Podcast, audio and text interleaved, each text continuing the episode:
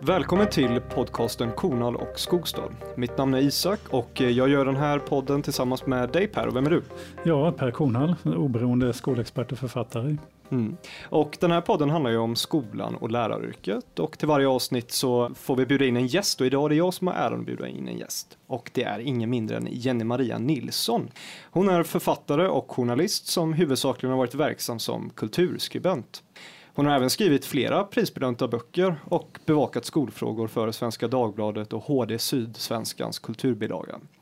Hon har dessutom skrivit flera uppmärksammade artiklar om bland annat undervisning och det svenska skolsystemet. Och nu är hon aktuell med ett projekt eh, som ska mynna ut i en antologi som handlar om skolans digitalisering. Och den skriver hon tillsammans med bland annat dig Per. Eller? Ja, det stämmer. Ja, och en norsk författarinna. Och en norsk författarinna. Men när vi ändå har Jenny Maria på plats så kan vi passa på att hälsa dig varmt välkommen till podden. Ja, tack så mycket. Jag är jätteglad att ni har bjudit in mig hit. Det är kul att du är här. Ja. Och eh, den här antologin som jag nämnde, vad, vad är det du skriver om i den? Om du ska sammanfatta det kort. Ja, jag fick förfrågan från Natur och kultur och då tänkte jag så här att om, om man ska göra projekt av den sorten så måste man göra det intressant för sig själv. Och då tänkte jag att då är det ett tillfälle att fördjupa mig i saker. Inte bara när det gäller digitaliseringen, även om det handlar om det. Så jag har fördjupat mig i hur skolhistoria ser ut, de normer och ideal som finns och har funnits och hur det har skiftat och varför digitaliseringen blev så kaotisk. Så det handlar om det. Och sen så handlar det om olika Skolan har i alla tider påverkats av olika krafter från olika håll. Och så handlar det om vilka krafter som staten och politiker gör för att förhindra och vilka de befrämjar när det gäller skolan. Så det är lite det jag har tittat på. Och så har jag tittat lite på Färila, är det ett bekant? Färila skola 2000? Ja, skola 2000 och jag har liksom följt hela den bak då i tiden. Till... Vad är Färila skola? Ja, Färila 2000, det var ju, det var ju på 1990-talet i Färila så byggdes skolan om och det var framförallt skolhuset som byggdes om men det var att man ville genomföra en ny typ av pedagogik och den gifte sig väldigt väl med digitaliseringen som också började komma då så man fick väldigt mycket pengar så man byggde om hela skolan och så gjorde man det här experimentet ganska storskaligt. Och så gick det åt helvete kan man väl säga. Men det är, det det är inte riktigt någon egentligen som har, eh, det har skrivits en hel del om det men som har grävt i det. Så jag har tittat på det. Och sen så har jag tittat på digitaliseringens push and pull-faktorer. Eh, att det har varit eh, push-faktorer som har digitaliserat skolan. Vad betyder push-faktorer? Alltså det är bolags affärsintressen som har styrt. Ni ska ha det här och ni ska ha det här. Istället för att det är pull-faktorer som har digitaliserat. Som man digitaliserar till exempel sitt eget liv. Man, man man tänker vad behöver jag för skärmar och plattor och så vidare och sen så köper man det och skaffar man det. Men så har det inte varit utan det, i skolan så har det varit att ni ska ha den här skolplattformen och vi har köpt upp oss på det här och nu så ska vi genomföra det här och vi har betalat för de här apparna och för de här programmen och så vidare. Mm. Så det har varit pushfaktorer.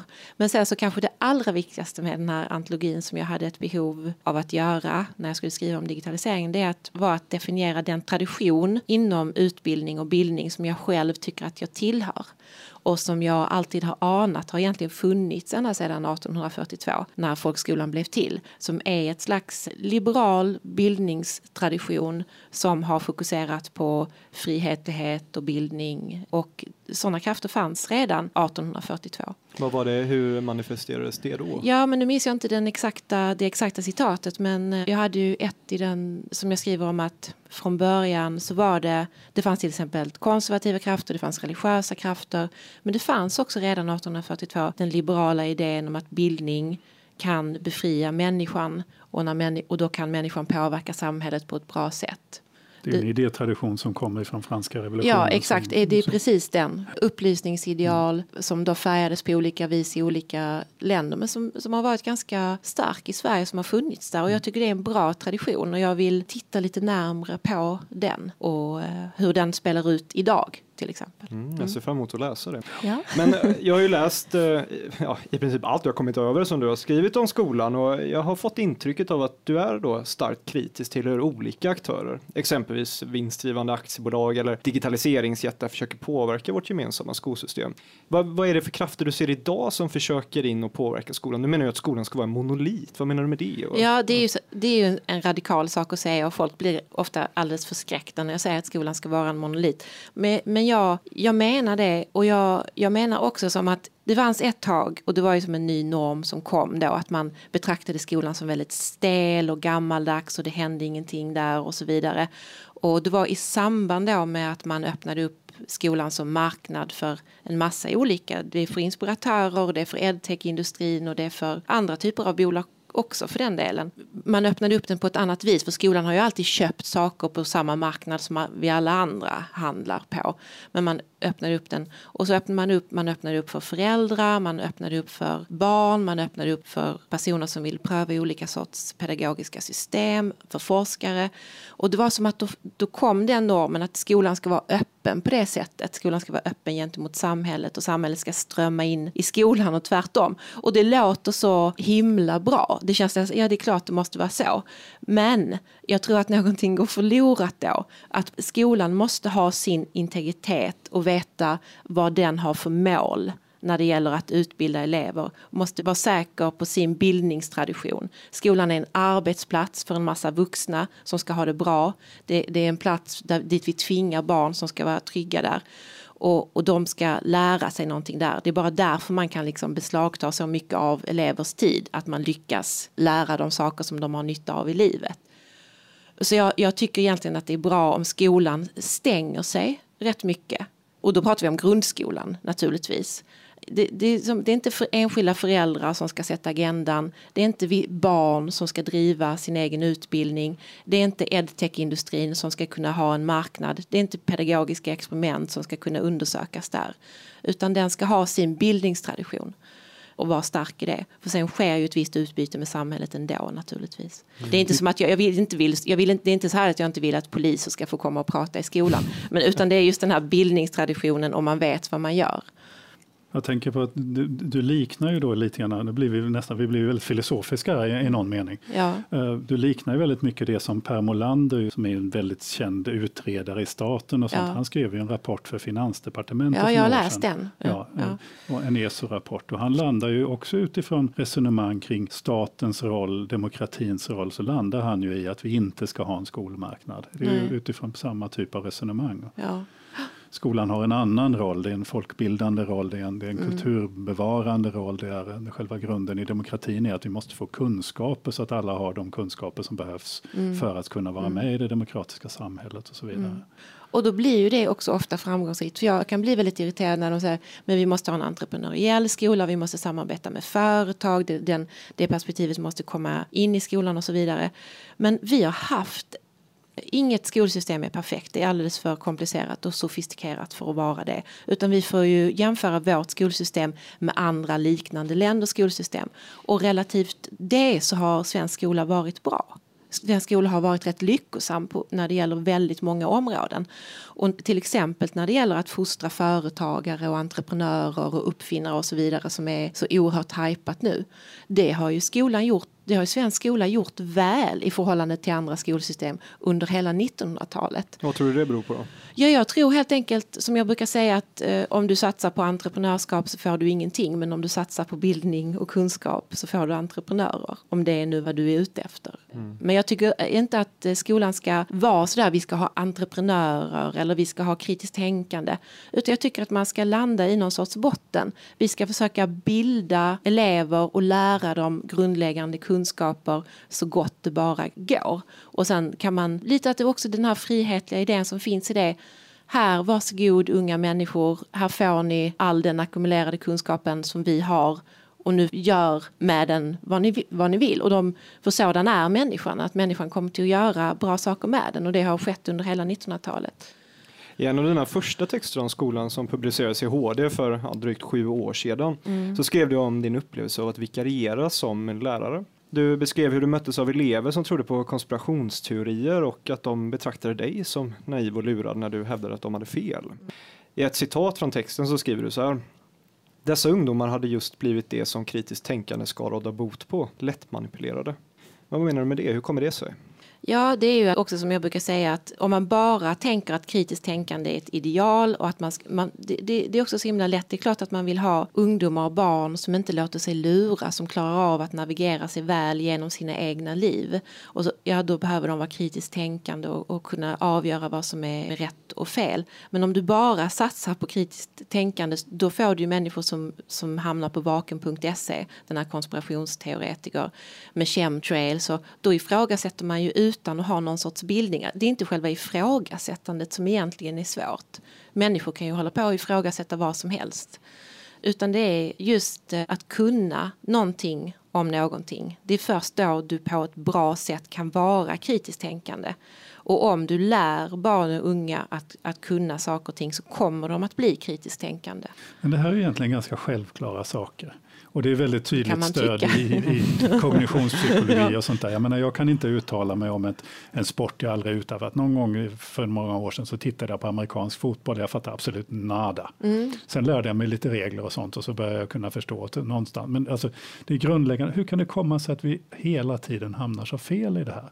Att vi hela tiden tror att barn ska på något vis kunna hantera kunskap utan att ha kunskap. Mm. För det återkommer ju i 90-talets reformer, det återkommer nu i digitaliseringen igen. Jag tror att det delvis handlar om en ytlighet och att skolan då har flyttats från den akademiska sfären till en sfär som mer handlar om underhållning och och yta på något vis istället för, och då, ja, då menar jag inte nödvändigtvis att grundskolan ska vara så oerhört akademisk men det är den sfären av samhället som skolan måste tillhöra, den akademiska sfären ibland när jag ser så här till exempel, det är en sån sak som är jättesvår att skriva om och svår att säga, det är att när jag ser på vissa av de som har påverkat skolan väldigt mycket, till exempel inspiratörer som har samarbetat med hundratals skolor, skrivit eh, dokument för skolorna och, och fortbildar lärare och så vidare.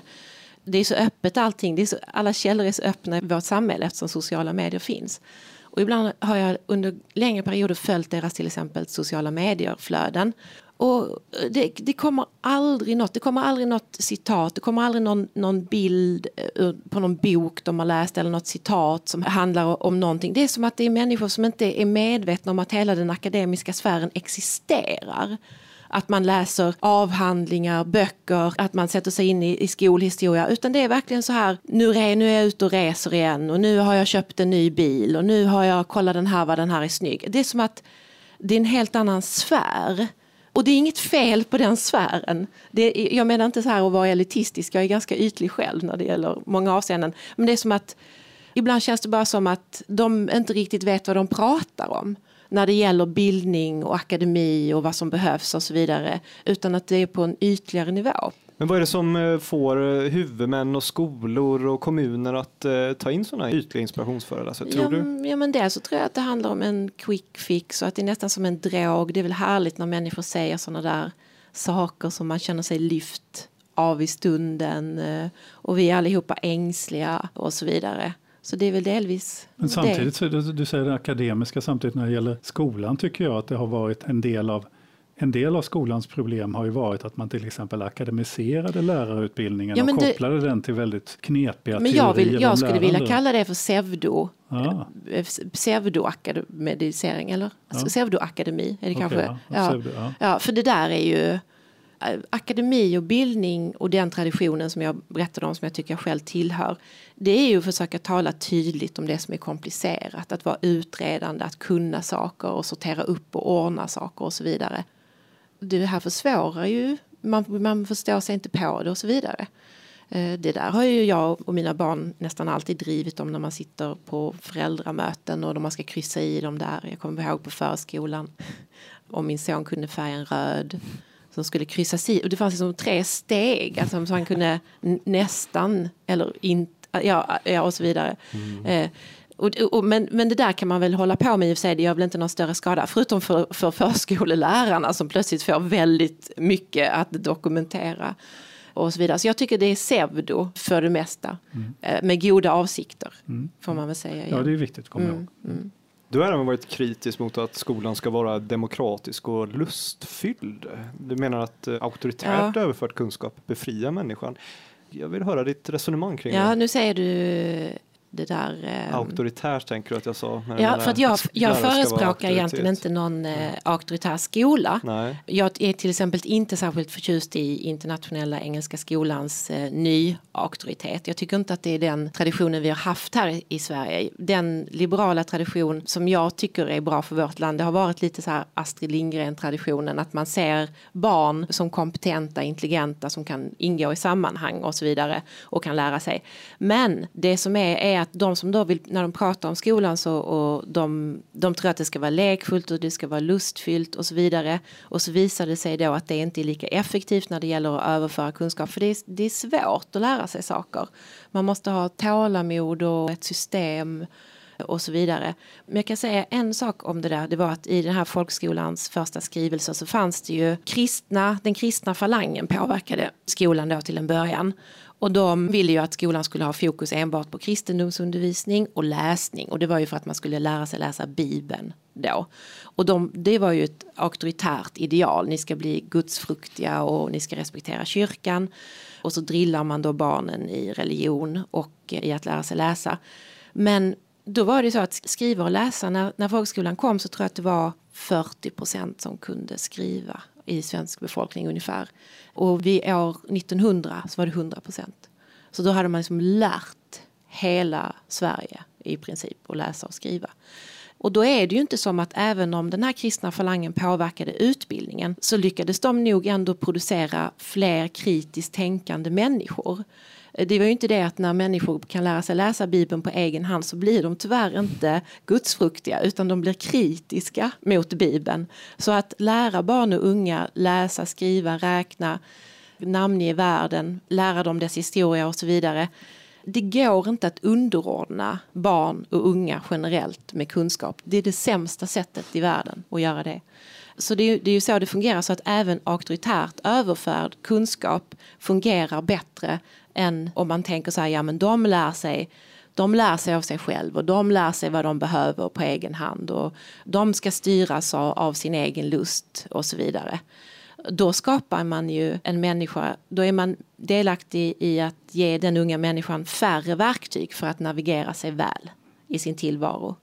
Och det blir lättare att manipulera och det blir lättare att underordna. Som det var när jag vikarierade där. Jag kan säga att den där konspirationsteorin som de verkligen trodde på det var ju att det var CIA som hade sprängt tvillingtornen. Så det var ju en ganska radikal konspirationsteori som de alla nästan i den klassen bara antog var fullkomligt sann. Mm. Jag tycker det är intressant det här, för det, det, har ju verkligen varit så att i skolan har ju haft den här liberala traditionen. Frihetstraditionen ja, har varit Och som vi har varit kanske särskilt bra på för att vi fick, vi hade många tänkare och jag, och jag tänker också där inflytandet, hela, jag kallade det Astrid Lindgren men det är bara för att mm. det är lätt att definiera det på det viset. Mm. Att Sen en syn på barn. arbetarrörelsens bildnings, ja. i början av arbetarrörelsen var en tydlig bildningstradition. Mm. Jag har också tittat på folkskolans stadga för folkskolan från 1897 där det står att, att barns uppfinningsrikedom ska oavlåtligen uppövas och tränas och så mm. vidare. Mm. Alltså skolan har ju aldrig varit traditionell Nej. i den meningen att, att den har varit eh, meningen att den ska vara tråkig. Det har aldrig funnits i den svenska skolan. Det finns en, mycket av beskrivningar av vad skolan är som jag inte, menar inte stämmer när man tittar tillbaka på vad som var drivkraften. Det, det finns väldigt många tycker jag kärleksfulla skrivningar när det gäller skola och elever från tidigt. Människor som har på något vis förstått att ja, men, och haft en, eh, vi, vi, det, här ska de, det här ska de få med sig, barn och elever och sen så har det då funnits. Sen så har ju allting annat också funnits i skolan såklart. Mm. Mm. I en av dina mest uppmärksammade artiklar så skrev du bland annat om hur vissa namnkunniga personer avfärdat PISA-resultaten i bland annat DN och i Sveriges Radio och man tolkat eh, PISA-undersökningen felaktigt. Kan du beskriva mer vad det är för typ av tendens du har noterat och, och varför det har varit problematiskt? Ja, men, men PISA kom ju för att jag skrev i den här första texten som jag skrev om skolan, det var ju innan den katastrofala PISA-undersökningen 2012. Då, då var det som ett uppvaknande, vi hade inte vetat detta. För innan det så var det väldigt mycket så här, många många trodde att vi hade den absolut bästa skolan i världen kunskapsmässigt för att vi hade satsat på så mycket innovation och på nya saker. Vi hade så mycket intressant pedagogik och så vidare. Så då, då skrev jag den och då fick jag ju väldigt mycket beröm men också väldigt mycket skit. Eh, från vilket håll fick du skit då?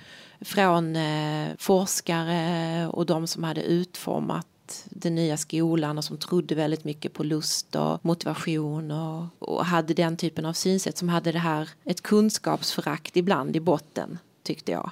Så de, fick jag, de var ju starkt kritiska mot det här. Men sen så kom ju den här PISA-undersökningen ganska omedelbart. Och jag har ju varit kritisk mot att jag tycker att vi har dåliga mätinstrument i svensk skola. Det är nästan omöjligt för en journalist att försöka orientera sig och se för att det kommer så här. Åh, denna skolan är så bra. De har, ju, de har det här experimentella. Nu gör de det här.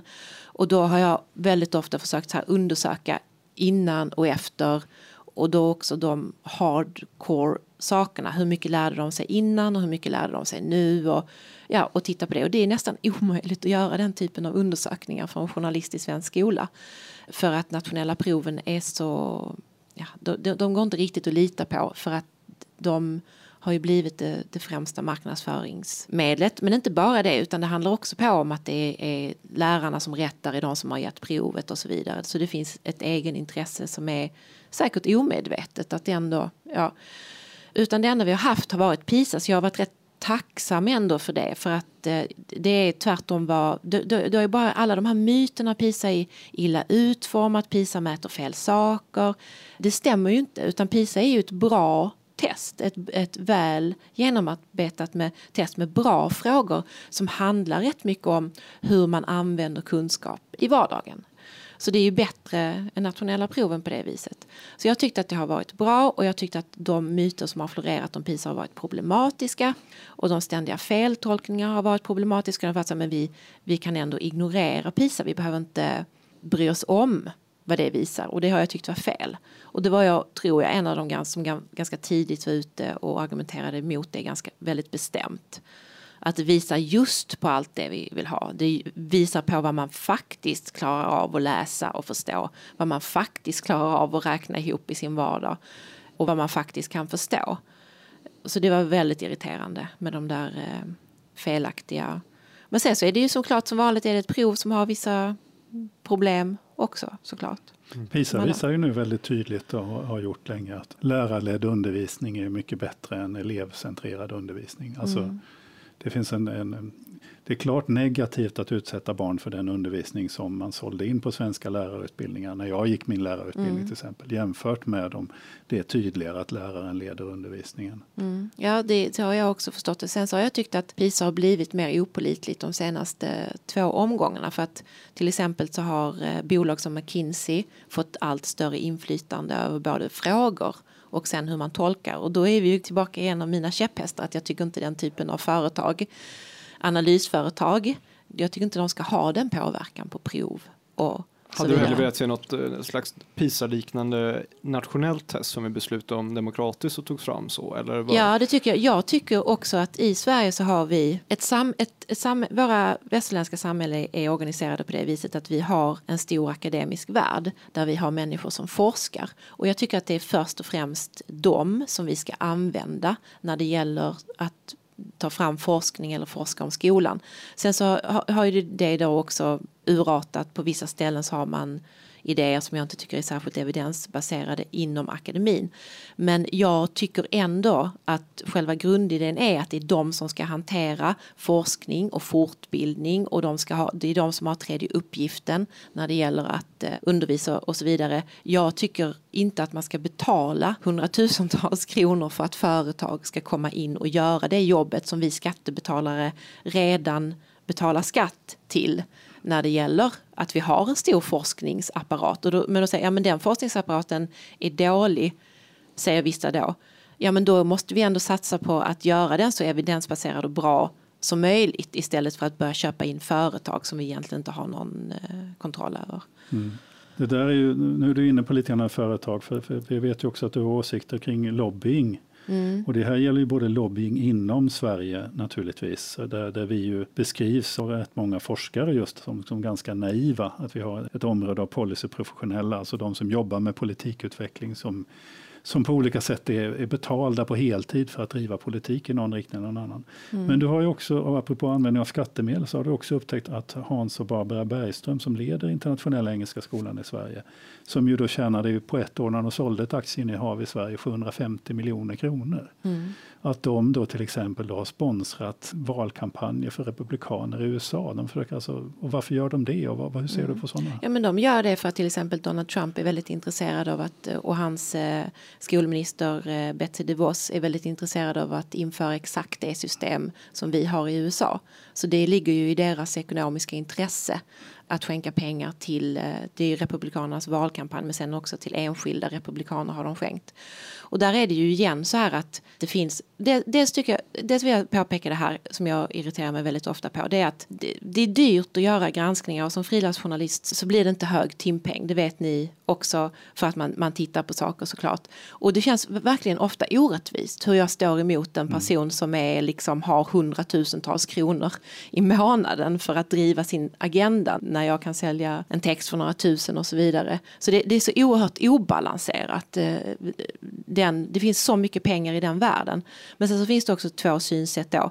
Att dels så finns det de som tycker att det är inget konstigt med skolbolag och när eh, till exempel internationella engelska skolan har sålt och de har tjänat pengar på skolan eller de har tjänat pengar på skolpeng som går in då i deras bolag. Nu sen så är de väl uppköpta av TA Associates tror jag det heter. Då tycker väldigt många att vi ska bara se det som vilket annat bolag som helst. Som Ikea eller som NCC eller som ja, vilket annat privat bolag som helst. Så att de pengarna det är inget speciellt med de pengarna som finns i skolverksamhet utan de tillhör bolagen. På, så. Och så finns det då det synsättet som jag har.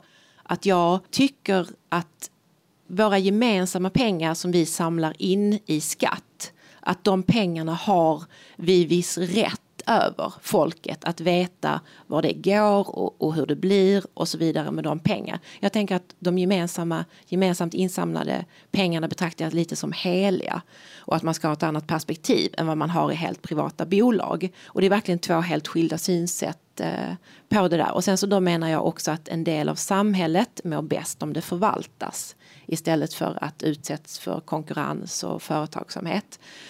Och jag tror att skolan är en sån del av samhället som mår bättre av att förvaltas hellre än konkurrensutsättas. Och, så det är min syn på det. Och sen så upptäckte jag då, för jag, det ju, finns ju också i öppna källor att paret Bergström har skänkt inför, inför att Trump blev vald så skänkte de rätt mycket till den delen av republikanerna. Eller rätt mycket, nu ska jag säga i sammanhanget, det är ju inte rätt mycket med tanke på vad vissa amerikanska miljardärer skänker. Men de hade skänkt till eh, valkampanjen där och skänkt till vissa republikanska kandidater också. Och det ligger ju helt och hållet i deras intresse såklart. Det men det ju... här är ju då ändå någonting som syns. Men Kunskapsskolan har ju gjort samma sak ja. i England men det ja. ser vi inte. Vi vet Nej. att Academedia håller på i Tyskland och försöker påverka. Mm. Ja och, och i andra länder också, i tredje världen tror jag i vissa. Ja, Indien, ja, i Indien och, eller Kunskapsskolan ja, tror jag ja. som är i Academedia. Ja men de vill ju expandera för det är vad företag vill. Mm. Det, det, är vad företag gör, det ligger i företags natur. Mm. Och då är ju då frågan om de pengarna som de gör det med, om det då betraktas som vilket annat företag som helst, som de har rätt att göra vad de vill med de pengarna. Eller om det ändå känns som lite, men är inte detta pengar som på något vis ska stanna kvar i det svenska skolsystemet som det var tänkt? Mm. Och jag ligger ju då i underläge helt och hållet kan man I säga. Sverige, för det är ändå, vi måste ju ändå konstatera att det är väldigt ovanligt det här systemet vi ja. har i Sverige. Så för, mm. för, för, för, Och det, där tycker jag att man verkligen kan peka på deras hyckleri delvis för att inget, man får inte, nu, nu finns det ju massa stora skandaler i USA där eh, skolföretag får inte ta ut vinst men de lyckas ju ta ut pengar på andra sätt istället. Men man får inte lov att ta ut vinst i något annat land på det sättet som vi gör här i Sverige det gör ju inte heller till exempel Kunskapsskolan i något annat land. Mm. Så här säger de, om inte vi får lov att ta ut vinst, då kommer vi att gå under. Då kan inte vi driva skolor överhuvudtaget. Men sen samtidigt så driver de ju skolor på marknader där de inte får ta ut vinst. Säkert så hoppas de ju då via till exempel lobbying kunna påverka så att det ska gå att ta ut vinst så småningom mm. när de expanderar. Mm. I din bok om Albert Camus, varken offer eller bödel, du fick, eh, ska nämnas också, det fina Gerard Bonniers essäpris för den boken. Men Camus växte ju upp med sin mamma som var analfabet och han visade tidigt en begåvning i skolan som fick hans eh, lärare att övertyga modern om att sonen inte skulle behöva arbeta tidigt för att skaffa inkomster till den fattiga familjen. Eh, och du har skrivit om att det utbildningssystem som han genomgick och andra framgångsrika utbildningssystem som exempelvis amerikanska Ivy League-universitet låter sig genomsyras av humaniora. Och jag som har följt dig länge har noterat att du ofta återkommer till detta, alltså att skolan bör genomsyras av just humaniora. Varför är det viktigt? Mm. Ja, det är viktigt för, ja, i grunden för allting är ju att läsa och skriva. Den akademiska världen, alltså, det är grunden. Att vi måste kunna läsa och skriva väl. Annars så kan vi inte ägna oss åt något annat ämne. Och därför tycker jag att det är så viktigt att vi i grundskolan arbetar mycket med det. Och då är de humanistiska ämnena de bästa för det. Och så jag tycker att egentligen så bör man kombinera alla ämnen med humanistiska ämnen. För att det, det måste ske. Och då har du också som det utbildningssystemet som Camus genomgick, då ska man också påpeka att det var ju det var ju en djupt orättvis värld som han, eh, det var ju Algeriet som han växte upp i då var ju koloniserat av Frankrike så det här, men det här otroliga utbildningssystemet som han ändå blev en del av kom inte de arabiska barnen till godo. Så, men, men han gick i en fantastiskt bra skola som, som egentligen ja, som handlade om de premisser som då jag då gillar. Det var en liberal, humanistiskt, bildningsinriktad skola där man med kärlek och eh, en viss auktoritet utbildade barn. Och det var inte bara Camus som hade väldigt stor glädje av det utbildningssystemet utan det kom väldigt många välutbildade människor från den tiden och från det skolsystemet. Mm. Och, och, som hade verkligen börjat med föräldrar som var analfabeter. En sista fråga bara, tiden går fort. Men ja. jag har också noterat att eh, du ofta talar dig varm för syslöjd i skolan. och, och, och jag, jag, jag, du har ju förklarat detta tidigare, men jag tänkte att du bara för våra lyssnare också ska förklara varför är det så viktigt i dagens och Folk alltid så här, för folk tror att jag är så här teoretisk och elitistisk och det ska vara akademiskt. Men jag gillar så himla mycket det svenska skolsystemet som har haft någon så här idé om hela människan. Om hantverken och att man ska, man ska inte bara liksom kunna kunna tänka, man ska inte bara kunna läsa en tidning och tänka och räkna ut hur mycket färg man behöver på en vägg. Utan man ska också kunna sy en knapp eller laga någonting. Och man ska också kunna, liksom, ja, när det gäller träslöjd och när det gäller alla, alla typer av praktiska arbeten. Jag tycker att det finns något oerhört vackert i den synen på barn och unga. Men vi lär dem också lite hemkunskap. Vi lär dem hur man ska använda tvättmaskinen och så vidare. Och sen så tror jag också när det gäller olika begåvningsprofiler så är det väldigt många, om du, om du frågar de som har blivit designers eller som sysslar till exempel med att sy, så är ofta första gången de kom i kontakt med det i syslöjden. Så, att man, då vänder man sig plötsligt om man har de här slöjdämnena eller andra praktiska ämnen, då vänder man sig plötsligt åt fler begåvningsprofiler inom skolan som kan få möjlighet att upptäcka att gud, jag är jätte, tycker detta är jätteroligt, jag är duktig på att sy. Som de kanske inte hade haft en chans att göra egentligen. Så det bara handlar om en, ja, erbjuda ett större smörgåsbord. Och lära barn. Så det är därför. Men jag är också där i totalt underläge för bara syslöjd. Liksom.